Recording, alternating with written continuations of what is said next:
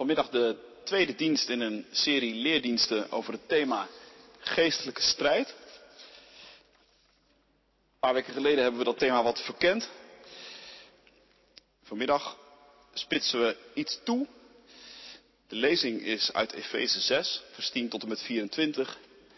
En daarbij opnieuw uit de Heidelbergse Catechismus, vraag en antwoord 127. Horen wij het woord van God. Ten slotte, zoek uw kracht in de Heer. In de kracht van Zijn macht. Trek de wapenrusting van God aan om stand te kunnen houden tegen de listen van de duivel. Onze strijd is niet gericht tegen mensen, maar tegen hemelse vorsten. De heersers en de machthebbers van de duisternis. Tegen de kwade geesten in de hemelsferen. Neem daarom de wapens van God op om weerstand te kunnen bieden op de dag van het kwaad. En om goed voorbereid stand te kunnen houden. Houd stand. Met de waarheid als gordel om uw heupen.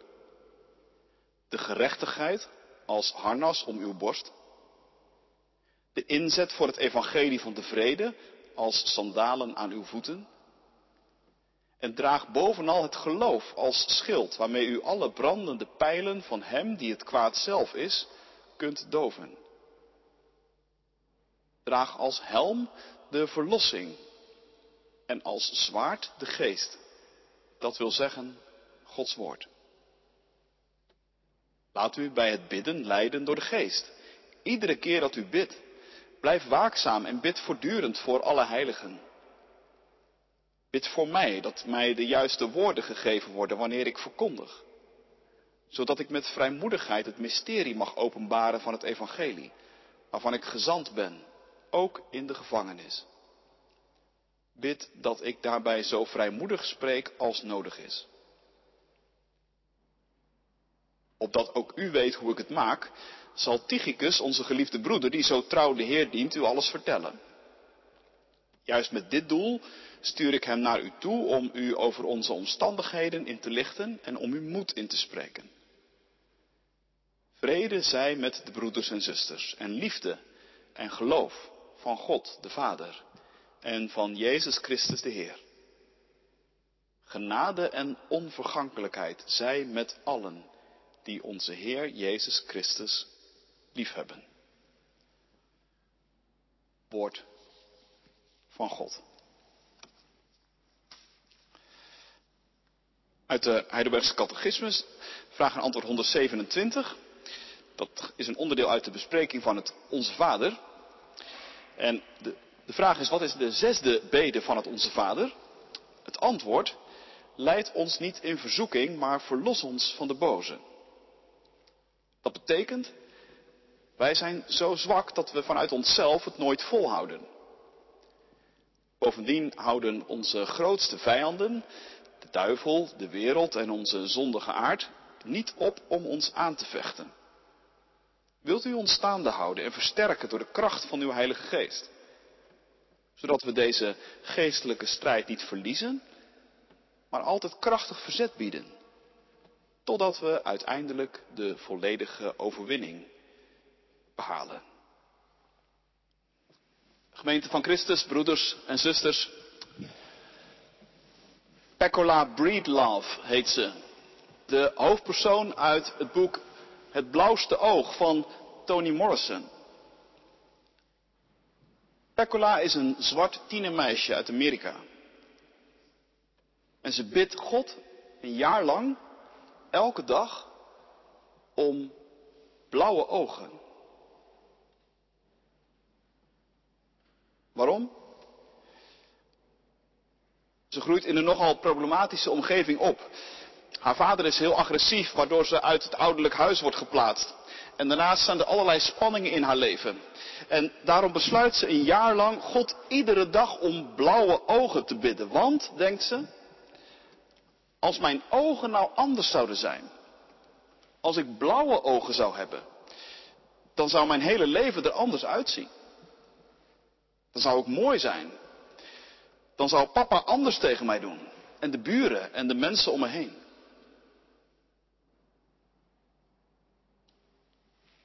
Waarom denkt een tienermeisje dat ze niet mooi is met haar zwarte ogen? Welke invloedssferen zijn daar verantwoordelijk voor? Welke mensen? Welke reclames? Welke films?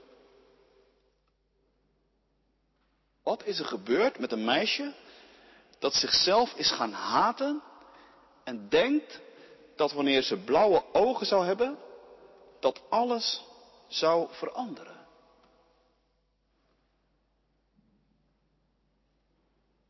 Je zou kunnen zeggen dat onder de oppervlakte van dit leven van zomaar een tienermeisje geestelijke machten hun strijd uitvechten. Machten die een mens influisteren dat de een meer waard is dan de ander. Dat blauwe ogen superieur zijn aan zwarte ogen. En een blanke huid superieur aan een donkere huid. Dat je identiteit afhangt van hoe je eruit ziet. En dat liefde van vaders eigenlijk niet bestaat. Zo'n hele kluwe van kapotmakende gedachten en overtuigingen, die allemaal stuk voor stuk haaks staan op het woord van God, die zet zich dus op de een of andere manier vast in de geest van een mens. Van een meisje.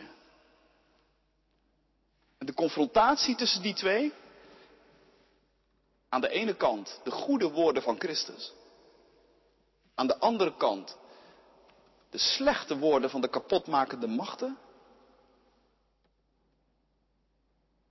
Die beweging, die zich afspeelt in het groot en in het klein.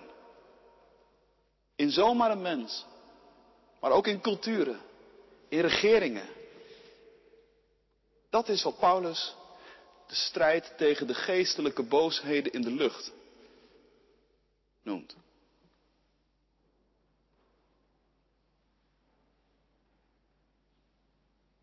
Als er zoiets bestaat. Zoiets als geestelijke strijd. Wat kun je daar dan tegen doen?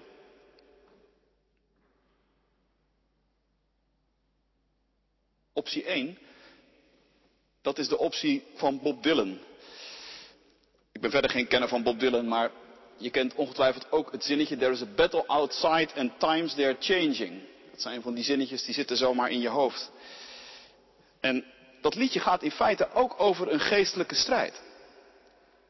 Bob Dylan schrijft het in 1963 en de jaren 60 ziet hij heel duidelijk als een breekpunt tussen twee tijdperken.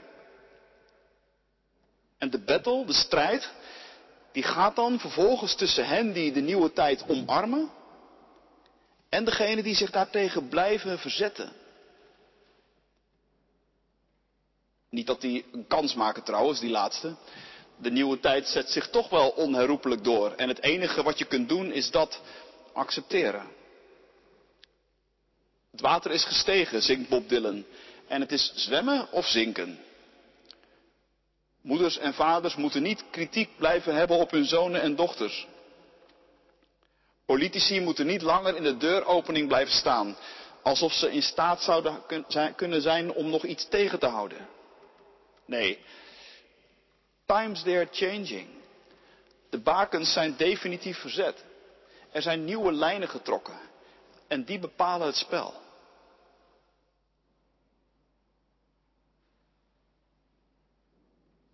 Of Bob Dylan dat nou allemaal precies zo zag, daar gaat het nu even niet om. Maar het gaat wel om de houding die hij adviseert. Zijn houding is namelijk niets doen. Je moet de ontwikkelingen gewoon accepteren en over je heen laten komen. Dit is nu eenmaal de tijd waarin je leeft. Take it. En maak er voor jezelf het beste van. Je kunt niet anders.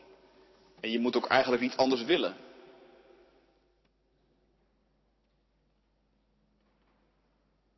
Als ik me niet vergis, is dat ook onder best veel christenen een veel voorkomende houding. Want hé, hey, je wilt toch ook niet voortdurend achter de feiten aanlopen? Of sterker nog, tegen windmolens vechten? Als iemand in een discussie inbrengt dat een bepaald standpunt toch echt niet meer van deze tijd is. is dat niet zelden het einde van alle tegenspraak.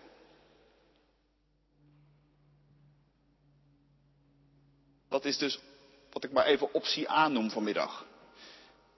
In de geestelijke strijd gewoon maar een beetje meedijnen op de golven. Optie B komt ook voor. Dat zit helemaal aan de andere kant van het spectrum.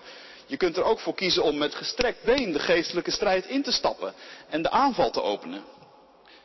Overal om je heen zie je gevaar, kwade machten aan het werk. En, en daar moet natuurlijk vooral iets tegen gedaan worden. Het liefst op een vreedzame manier natuurlijk. Dus je verzamelt een clubje van mede-verontrusten om je heen. Je start een blog, een website, een petitie misschien. Stuurt ingezonde stukken naar kranten om je zorgen te uiten over dit of dat. Maar wat als je geen gehoor vindt? Dan trek je je terug op het eiland van je eigen gelijk. En je hart kan zomaar een kweekbodem worden voor bitterheid en fanatisme. En fanatisme, dat is nog maar een paar stappen verwijderd van jihadisme, weten wij. Het kan zomaar eindigen met je voornemen om een daad te stellen die de wereld nog lang zal heugen.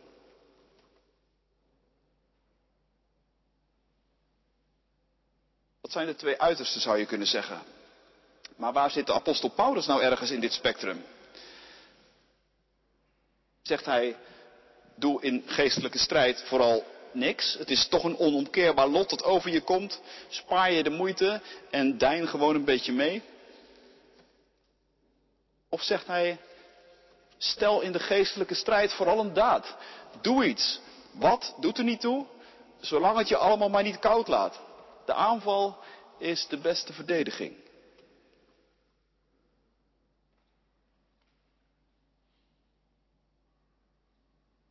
Ik denk, de apostel Paulus wijst een derde weg. Houd stand, zegt hij. Blijf staan. Blijf in de positie waar je bent. Dat is dus niet, doe maar niets. Maar het is nadrukkelijk ook niet, open de aanval. Nee, Paulus zegt, blijf staan, houd stand. Hij zaait geen paniek, opent geen kruistocht, maar zegt dat je moet blijven waar je bent. Waar is dat dan? Waar zijn wij? Ik denk dat je deze brief moet lezen, of deze oproep, om stand te houden in het licht van de hele Efezebrief.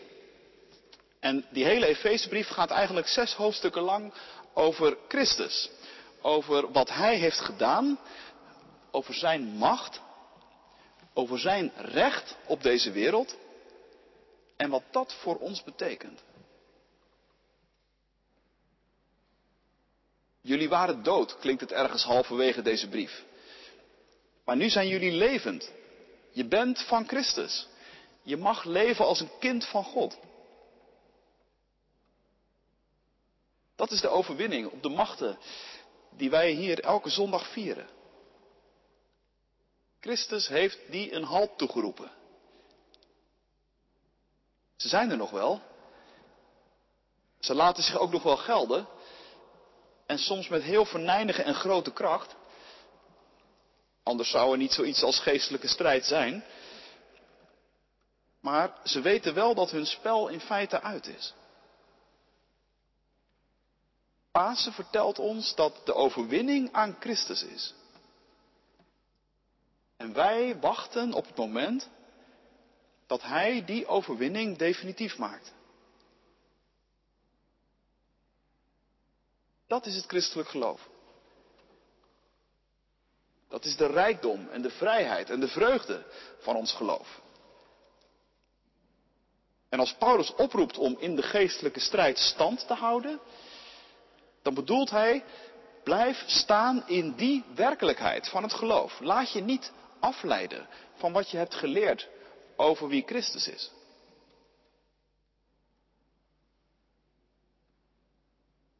Want dat is nu precies het wezen van geestelijke strijd. Dat daar door Gods tegenstander een werkelijkheid in je hoofd en in je hart wordt geopend die fluistert, Christus is helemaal geen overwinnaar. Hoe kom je erbij? Je vergist je. Je zet je kaarten op de verkeerde. En wij weten allemaal hoe dat aan je kan knagen. Om in die strijd stand te houden, zegt Paulus, moet je de wapenrusting van God aantrekken.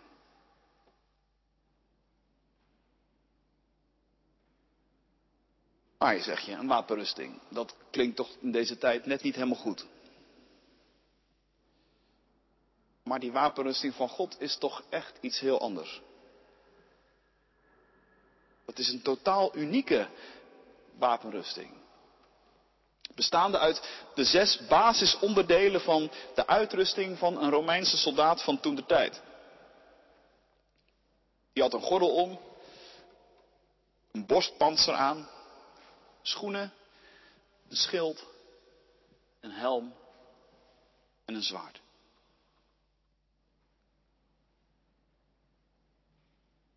Niet zomaar een gordel om. Nee, Paulus zegt, die gordel die je om hebt en die alles bij elkaar houdt, dat is de waarheid. En het panzer dat je bovenlijf beschermt, dat is de rechtvaardigheid. Je schoenen sturen je op pad als een verkondiger van de vrede. En het schild dat je bij je draagt, dat is geloof. Je mag ook een helm op. Die heet redding. En het korte verdedigingszwaard dat je bij je mag steken, dat is het woord van God.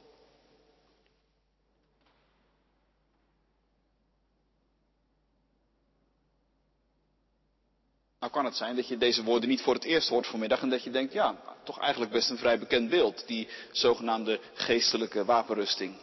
Maar ondertussen kunnen die woorden waarheid, rechtvaardigheid, vrede, geloof, redding, toch nog wel behoorlijk abstract blijven. Wat bedoelt Paulus nou precies? Met waarheid, met geloof of met vrede?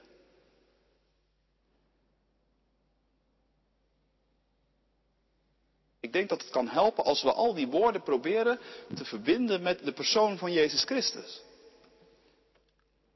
Hij is de hele brief lang al de speel geweest waarin, waarom alles draait. Dus als het nu over de gordel van de waarheid gaat, dan, dan hoor ik eigenlijk meteen Jezus zeggen, ik ben de weg, de waarheid en het leven.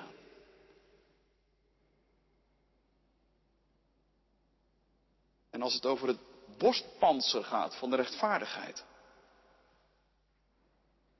Dan zie ik hem zitten, tekenend in het zand. Om hem heen een aantal bedweters, die een meisje van lichte zeden door de straat naar hem toe hebben gesleurd. Rechtvaardig, denken zij, dat is dat zij nu haar verdiende loon krijgt. Maar wat zegt Jezus? Als een van jullie zonder zonde is, dan moet die de eerste steen maar gooien. En als iedereen dan met de staart tussen de benen afdruipt, dan zegt hij, als niemand jou veroordeeld heeft, dan veroordeel ik je ook niet. Ga heen. Zondig niet meer. Dat is Gods rechtvaardigheid.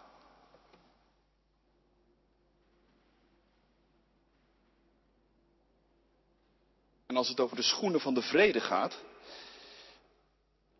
dan denk ik bijvoorbeeld aan het moment waarop Jezus als de opgestane verschijnt aan zijn bange en verstopte leerlingen. En dan geeft hij ze niet onderuit de zak. Dan zegt hij niet, jongen, wat heb ik nou toch aan jullie gehad? Of beter gezegd, wat heb ik niet aan jullie gehad? Op het moment suprem, toen ik je het hardste nodig had, was je nergens te bekennen. Nee, op dat moment zegt hij, vrede voor jullie.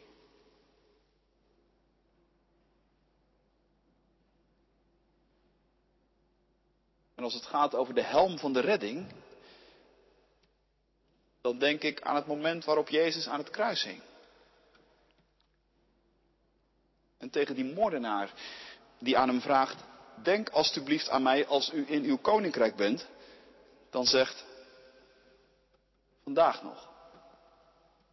Vandaag nog zul jij met mij in het paradijs zijn.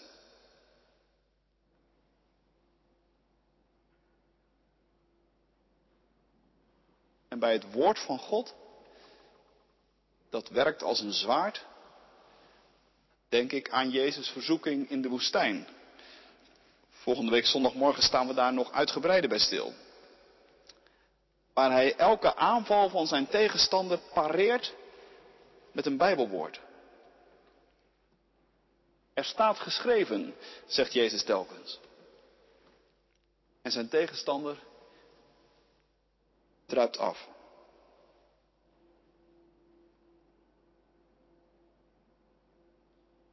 Dit is de wapenrusting van God. Die Paulus voor ogen heeft. En die ons helpt om overeind te blijven in het geweld van de machten. In de geestelijke strijd die gaande is.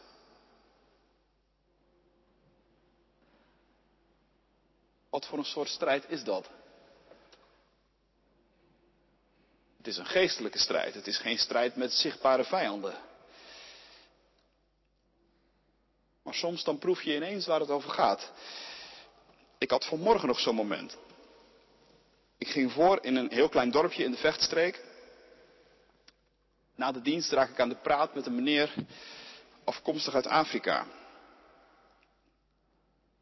Hij hield me nog even aan. We hadden voor hem gebeden. Hij verwachtte een spannende uitslag deze week. Ik hield dezelfde preek als twee weken geleden bij de doopdienst. Over het licht dat zo makkelijk onder de korenmaat verdwijnt.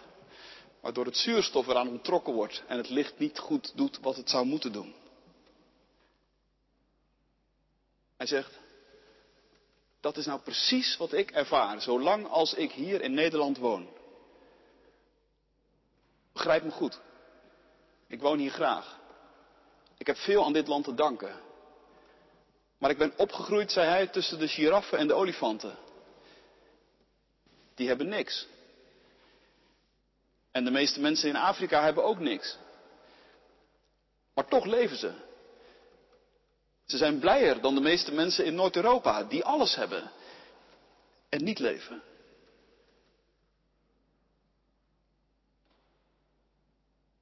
Dat is de geestelijke strijd die hier gaande is.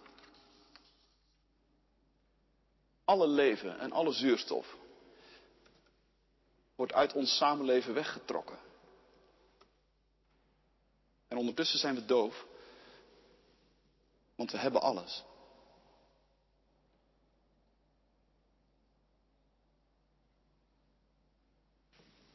Paulus reikt ons vanmiddag de wapenrusting aan. Hou stand, zegt hij.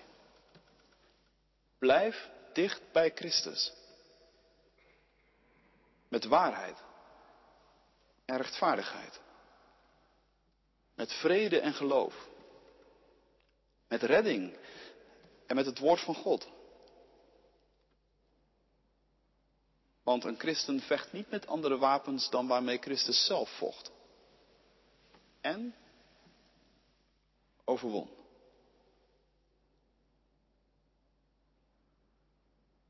Ook al vraagt dat om veel geduld en volharding. Want ja, goedkope propaganda boekt over het algemeen veel sneller resultaat dan de waarheid. Dat weten wij ook wel. En geld is vaak veel effectiever dan rechtvaardigheid of redding. En techniek en geweld verslaan over het algemeen meer vijanden dan de vrede.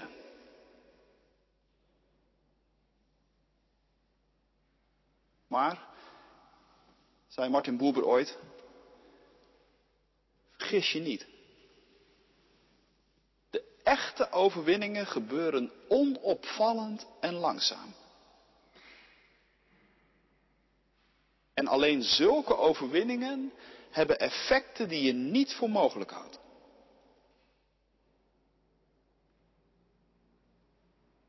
Zo leven wij Christus tegemoet.